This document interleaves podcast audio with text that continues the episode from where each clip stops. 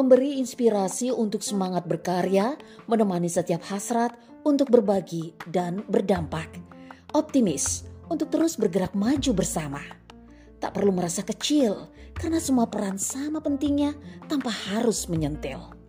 Hexa Radio, produktif, kreatif, dan bahagia.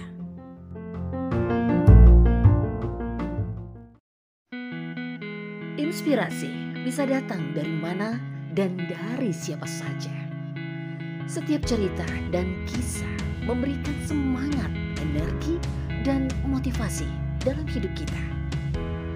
Inspirasi hari ini bersama Indah Laras hanya di Hexa Radio.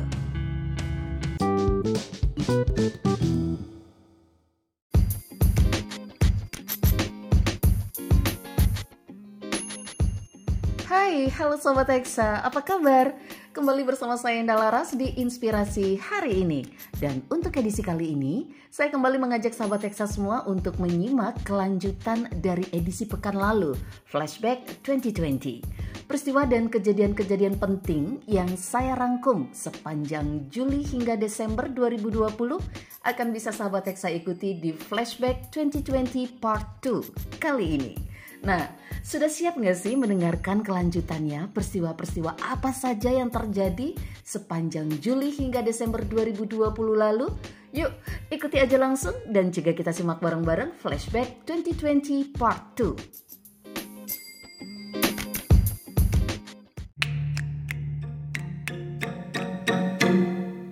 Juli 2020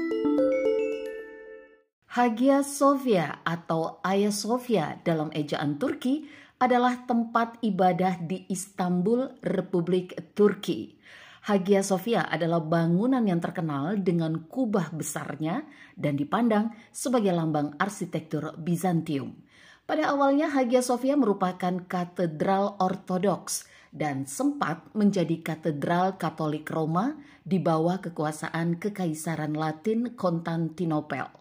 Pada masa Kesultanan Utsmani, bangunan ini menjadi masjid mulai dari 29 Mei 1453 sampai dengan tahun 1931. Kemudian pemerintah Republik Turki mensekulerkan bangunan ini dan merubahnya menjadi museum pada 1 Februari 1935. Namun pada hari Jumat 10 Juli 2020 lalu, pengadilan Turki memutuskan bahwa konvensi Hagia Sophia pada tahun 1934 menjadi museum adalah ilegal. Tentu saja keputusan ini mengubah Hagia Sophia menjadi masjid kembali. 12 Juli 2020 baliho bergambar ketiga personel World Genius Reza Arab, Eka Gustiwana, dan Gerard Liu terpampang di Billboard Times Square, New York, Amerika Serikat. Hal ini terjadi berkat pencapaian jumlah pemutaran lagu Lati yang mencapai lebih dari 100 juta kali diperdengarkan di platform digital. World Genius mencatatkan diri sebagai satu-satunya musisi Indonesia yang wajahnya terpampang di Billboard Times Square, New York, Amerika Serikat. Pada tanggal 15 Juli 2020 sekitar pukul 20.00 GMT terjadi penipuan Bitcoin Twitter. Kejadian ini merupakan peretasan besar-besaran akun-akun Twitter. Akun dengan jutaan follower diretas untuk mempromosikan penipuan Bitcoin. Penipuan ini meminta individu untuk mengirim mata uang Bitcoin ke dompet mata uang kripto tertentu dengan janji akan dikembalikan berlipat ganda. Menurut Dmitry Alperovich, salah satu pendiri CrowdStrike, perusahaan keamanan cyber, insiden ini disebut sebagai peretasan terburuk platform media sosial ter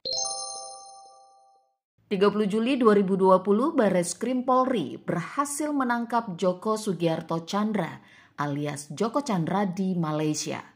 Joko Chandra telah menjadi buron selama 11 tahun untuk kasus korupsi pengalian hak tagih Bank Bali yang telah merugikan negara sebesar 940 miliar rupiah. Kembali berita dari Twitter. Di akhir Juli 2020, Twitter Indonesia cukup gempar dengan berita yang menjadi trending topik mengenai fetis kain jarik. Kasus ini mencuat karena thread di Twitter dari pemilik akun @m underscore Fikris tentang predator fetis kain jarik yang berkedok riset akademik dari mahasiswa PTN di Surabaya, di mana korban dibungkus bak pocong. Fetis sendiri adalah sebuah kondisi atau situasi saat seseorang akan merasakan kepuasan atau gairah seksual dari objek-objek yang sifatnya bukan genital atau kelamin.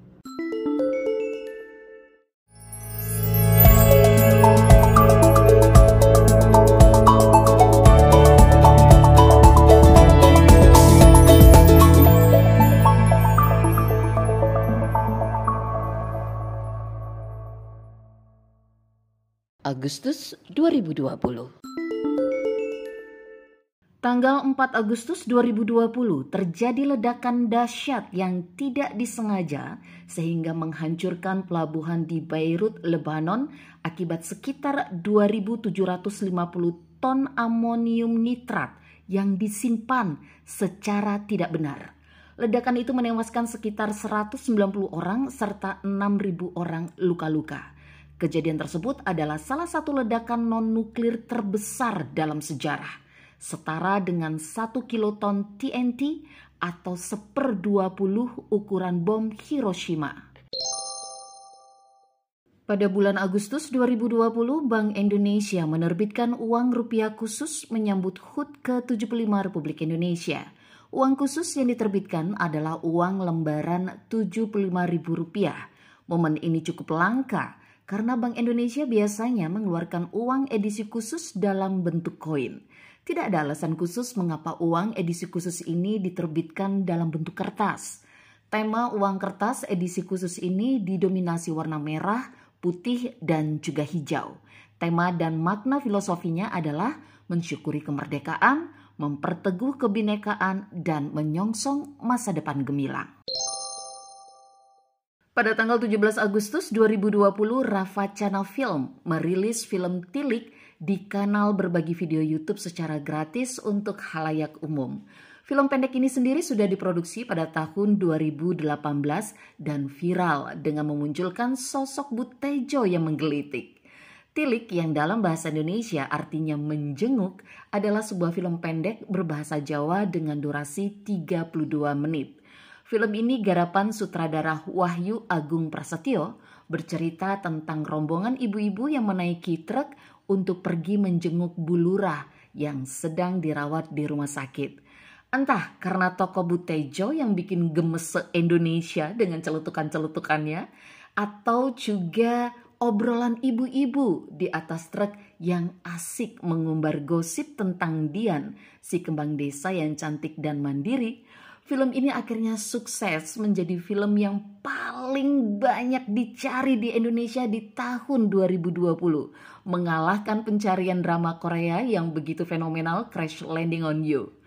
Tilik juga sempat menjadi perwakilan resmi dalam Jogja Netpack Asian Film Festival di tahun 2018 dan juga menjadi perwakilan resmi di World Cinema di Amsterdam pada tahun 2019.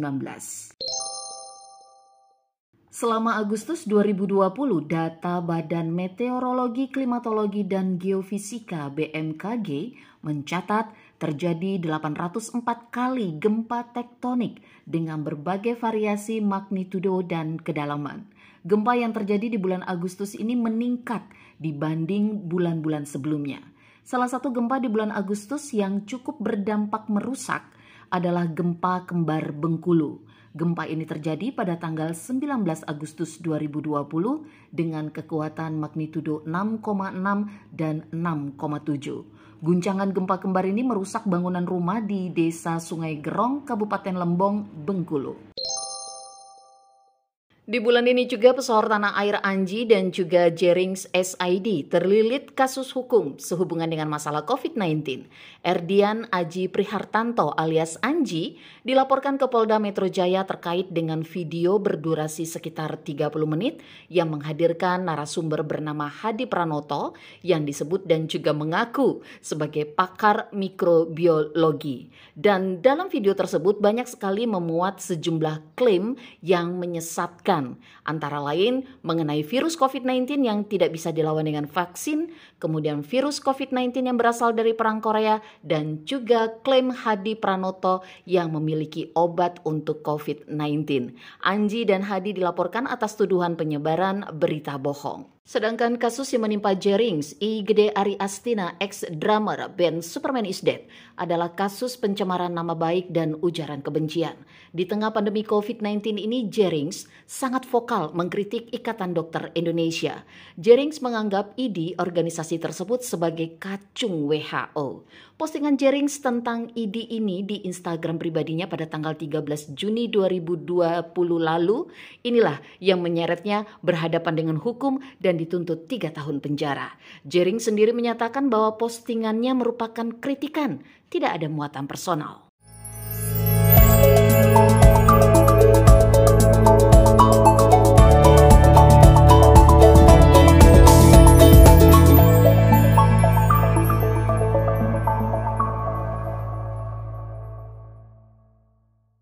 September 2020 Sahabat Eksa, Anda penyuka tanaman? Waduh, berarti bulan September kemarin sempat geleng-geleng kepala ya dengan harga tanaman yang luar biasa harganya ya. Karena ya ramai diperbincangkan di bulan September ini di media sosial tentunya tanaman hias Monstera adansoni variegata atau yang lebih dikenal dengan sebutan janda bolong laku dijual hingga ratusan juta rupiah. Harga yang fantastis ini tentu saja karena warnanya yang unik, yaitu warna kuning dan hijau dalam satu daun. Tentu saja fenomena harga tanaman yang melonjak gila-gilaan ini karena budaya latah. Ingat barangkali ya, kita semua dengan tanaman gelombang cinta. Nah, ditambah juga kenapa harga ini menjadi sangat gila-gilaan adalah efek viral di era media sosial. Padahal pada tahun lalu 2019 ke belakang, tanaman monstera ini lebih murah ketimbang tanaman hias sejenis. Percaya nggak sih sahabat Teksa kalau harga monstera yang sekarang ini jutaan, dulunya adalah tanaman di pinggir jalan. Dan monstera ini sendiri merupakan tanaman rambat yang berasal dari hutan-hutan yang ada di wilayah Amerika Latin seperti Meksiko dan Guatemala. Beberapa jenis tanaman monstera ini beracun juga loh. Jadi hati-hati ya memilih jenisnya. Dan selain monstera sendiri, ada tanaman hias jenis lain yang juga booming di waktu yang bersamaan, yaitu aglonema. Wawancara kursi kosong di acara Mata Najwa pada tanggal 29 September 2020 menuai perhatian dan sorotan besar di media sosial. Berbagai komentar dan tanggapan mengenai hal ini bermunculan, mulai dari kritikan, kecaman, pro, dan juga kontra. Video wawancara kursi kosong itu sendiri sudah ditonton hampir 9 juta kali. Sejatinya, kursi kosong itu akan diisi oleh Menteri Kesehatan Republik Indonesia, Terawan Agus Putranto. Najwa Sihab menjelaskan mewawancarai kursi kosong dilakukannya untuk mengundang Menteri Kesehatan Republik Indonesia, Terawan Agus Putranto yang sejak pandemi COVID-19 meningkat sulit sekali dimintai keterangannya. Najwa menilai apa yang dilakukannya bukan sebuah pelanggaran hukum dan dijamin dalam Undang-Undang Pers. Dan menurutnya lagi, treatment kursi kosong ini lazim dilakukan di negara lain. Seperti yang pernah dilakukan oleh Andrew Neil, wartawan BBC, menghadirkan kursi kosong yang sedianya diisi oleh Boris Johnson, calon Perdana Menteri Inggris yang kerap menolak undangan dari BBC.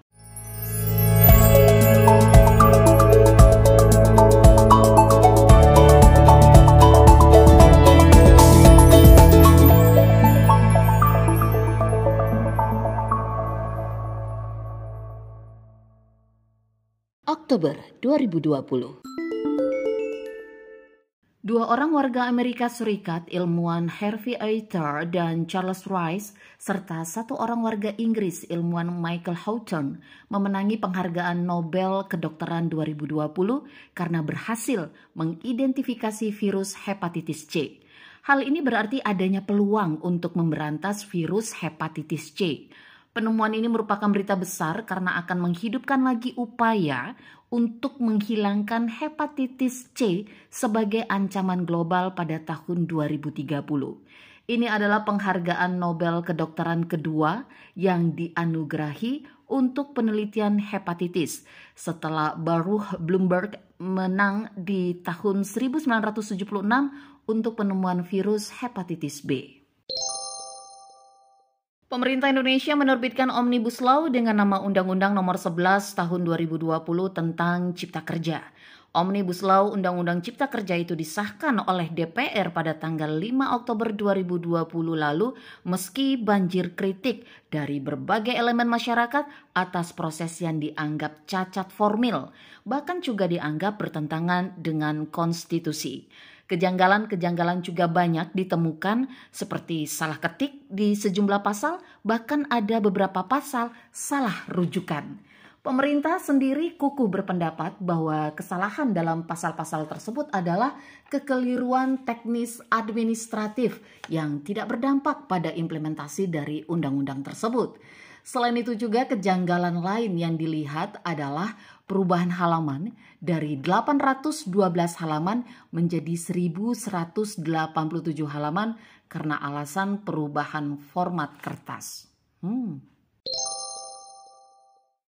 Pada tanggal 15 Oktober 2020, pemerintah Thailand mengeluarkan undang-undang darurat yang melarang pertemuan lima orang atau lebih dan publikasi atau pesan online yang dapat membahayakan keamanan nasional untuk mengakhiri aksi protes di Bangkok.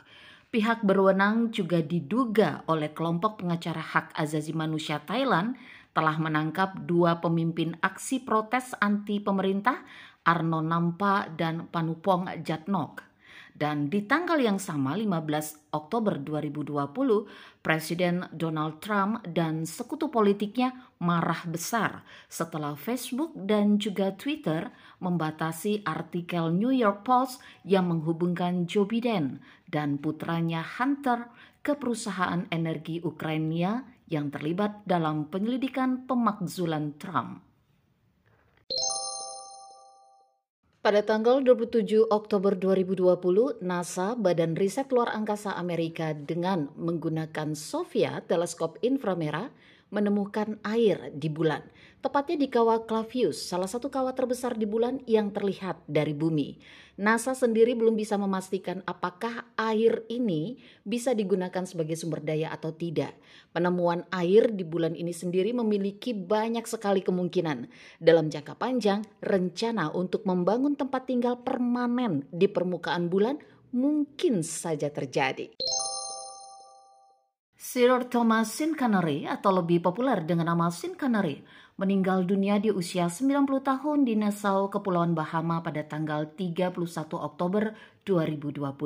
Sean Connery adalah mantan aktor dan juga produser film yang telah memenangkan beberapa penghargaan dan merupakan aktor pertama yang memerankan agen rahasia Inggris 007 James Bond. Sean Connery memerankan James Bond sebanyak tujuh film.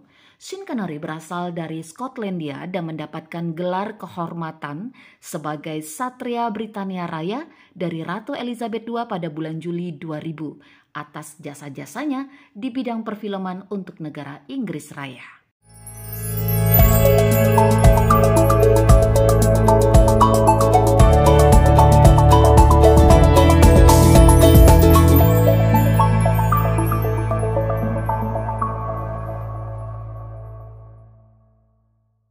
November 2020. SpaceX, perusahaan milik Elon Musk dan juga NASA berhasil meluncurkan empat astronot ke Stasiun Luar Angkasa Internasional ISS. Empat astronot tersebut adalah Michael S. Hopkins, Shannon Walker, Victor J. Glover dari NASA, dan Soichi Naguchi, astronot Japan Aerospace Exploration Agency Jepang. SpaceX membawa empat astronot ke orbit pada 15 November 2020 waktu setempat. Sempat juga mengalami penundaan peluncuran karena cuaca buruk. Peluncuran ini dikenal sebagai One dan dijadwalkan menjadi sebuah perjalanan luar angkasa yang teratur dan juga rutin untuk membawa empat orang tinggal selama enam bulan di stasiun luar angkasa. Di masa depan, Siapa pun yang memiliki cukup uang untuk membeli tiket roket komersil bisa nih ngerasain hidup di stasiun luar angkasa. Wow, luar biasa sekali. Kabarnya pun Tom Cruise dan juga sutradara Doug Liman akan mengendarai SpaceX Crew Dragon ke stasiun luar angkasa internasional pada Oktober 2021. Tom Cruise sendiri sudah melakukan kerjasama dengan pendiri SpaceX, Elon Musk, dan juga NASA untuk membuat film di International Space Station. Joe Biden, mantan wakil presiden dari Partai Demokrat dan senator petahana dari California, Kamala Harris, menang dalam pemilihan umum Presiden Amerika Serikat tahun 2020. Pemilu ini merupakan pemilihan Presiden Amerika Serikat yang ke-59 dan diselenggarakan pada tanggal 3 November 2020. Biden memperoleh suara rakyat terbesar dalam pemilu yang melawan petahana sejak 1932. Pemilu ini juga mencatat rekor prosentase kehadiran pemilu tertinggi sejak tahun 1900. Biden sendiri memperoleh 81 juta suara dan ini merupakan jumlah suara tertinggi sepanjang sejarah pemilu presiden Amerika Serikat. Mantan pemain sepak bola Indonesia Ricky Yakob meninggal dunia di Jakarta 21 November pada usia 57 tahun. Masa keemasan Ricky Yakob terjadi pada paruh kedua dekade 1980-an. Ricky kerap dijuluki Paul Bertner Indonesia dan merupakan penyerang oportunis yang mengandalkan kecepatan dalam bermain. Aksi puncaknya terjadi di ajang Asian Games tahun 1986 di Korea Selatan. Saat itu Ricky Yakob mencetak gol volley dengan tendangan langsung tanpa sempat menyentuh tanah dalam jarak yang amat jauh sewaktu melawan Emirat Arab. Terakhir, Ricky Yakob berkarir sebagai pelatih dengan membuka sekolah sepak bola Ricky Yakobi untuk anak-anak usia 7 hingga 12 tahun yang bertalenta sepak bola dan tidak mampu. Di PSSI, Ricky Yakob menjabat sebagai Direktur Pembinaan Usia Muda PSSI. Kembali berita duka dari dunia sepak bola. Pemain legendaris sepak bola Argentina Diego Maradona meninggal dunia di usia 60 tahun di Tigre, Provinsi Buenos Aires, Argentina pada tanggal 25 November 2020 akibat henti jantung. Maradona termasuk dalam deretan pemain sepak bola terbaik abad ini. Pertunjukan kehebatan Maradona adalah saat berlangsungnya Piala Dunia FIFA 1986 di Meksiko. Hanya dalam rentang waktu kurang dari 10 detik, Maradona melakukan sprint sambil membawa bola dan melewati lima orang pemain Inggris dan menjebol gawang lawan. Tapi sayang, Maradona membuat gol yang sangat buruk, yaitu melalui bantuan tangan. Yang dikatakan oleh Maradona, sebagai pembelaannya bahwa gol tersebut adalah gol hasil bantuan tangan Tuhan. Meski pada akhirnya Maradona mengakui bahwa hal tersebut dilakukannya dengan sengaja.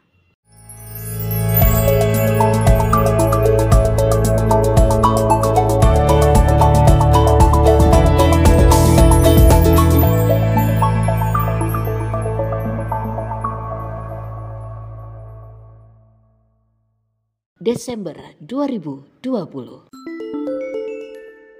2 Desember 2020, Lembaga Pengawas Obat Britania atau Inggris memberikan izin penggunaan darurat vaksin COVID-19 BNT 162B2 sesuai aturan yang ada. Dengan ini, BNT 162B2 menjadi vaksin COVID-19 pertama yang mendapat izin untuk penggunaan nasional setelah melewati perujian berskala besar. Britania atau Inggris menjadi negara barat pertama yang menggunakan vaksin ini secara nasional. BNT 162B2 dijual dengan merek Comirnaty, dikembangkan oleh perusahaan bioteknologi Jerman BioNTech dan perusahaan obat Amerika Serikat Pfizer.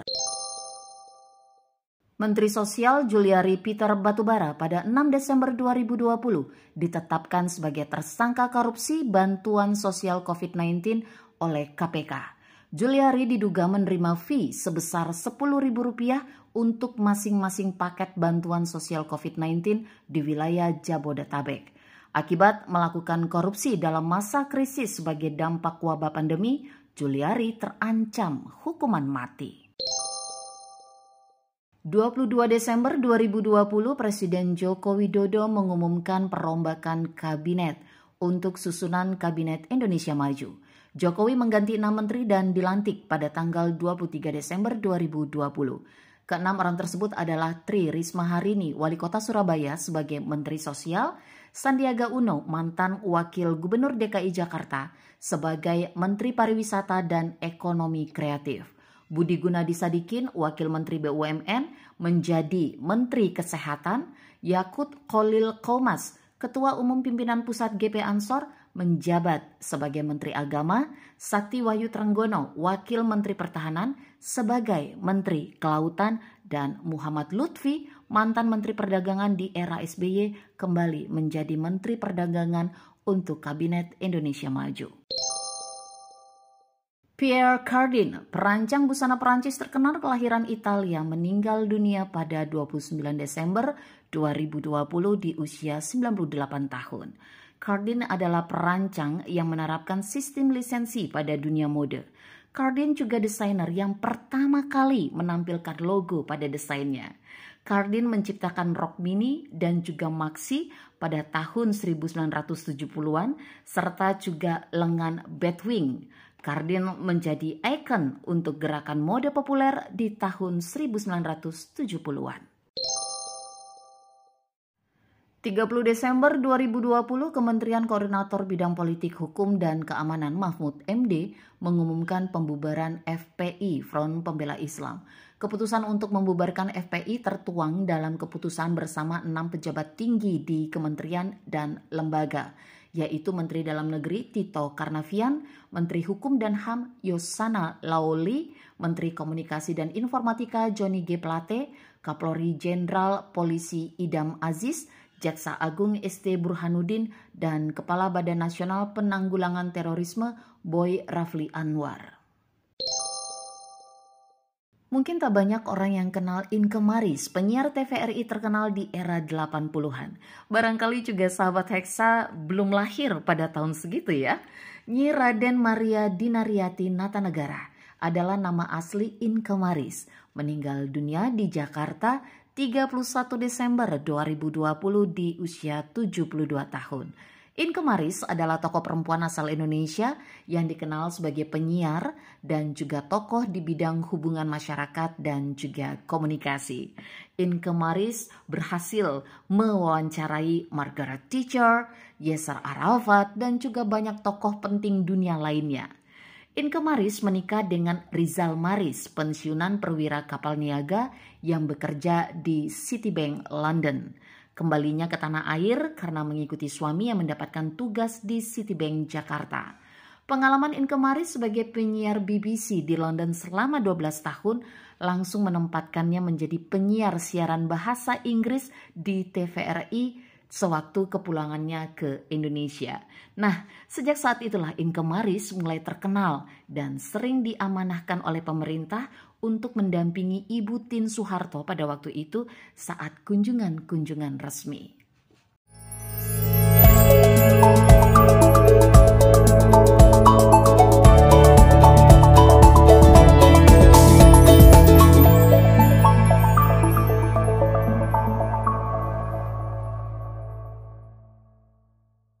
Ringkasan materi di Flashback 2020 ini saya kutip dari berbagai macam sumber dari Google, BBC.com, Wikipedia, tribunnewsmaker.com, antaranews.com, detiknews.com, dan suara.com.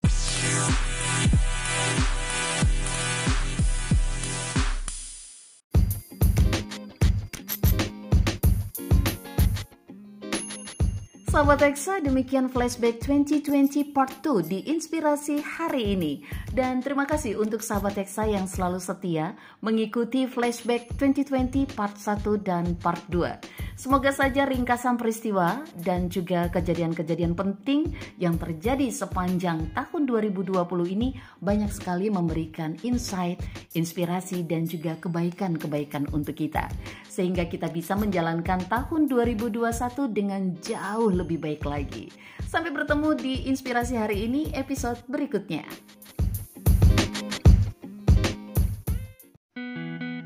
Inspirasi bisa datang dari mana dan dari siapa saja. Setiap cerita dan kisah memberikan semangat, energi, dan motivasi dalam hidup kita. Inspirasi hari ini bersama Indah Laras hanya di Hexa Radio.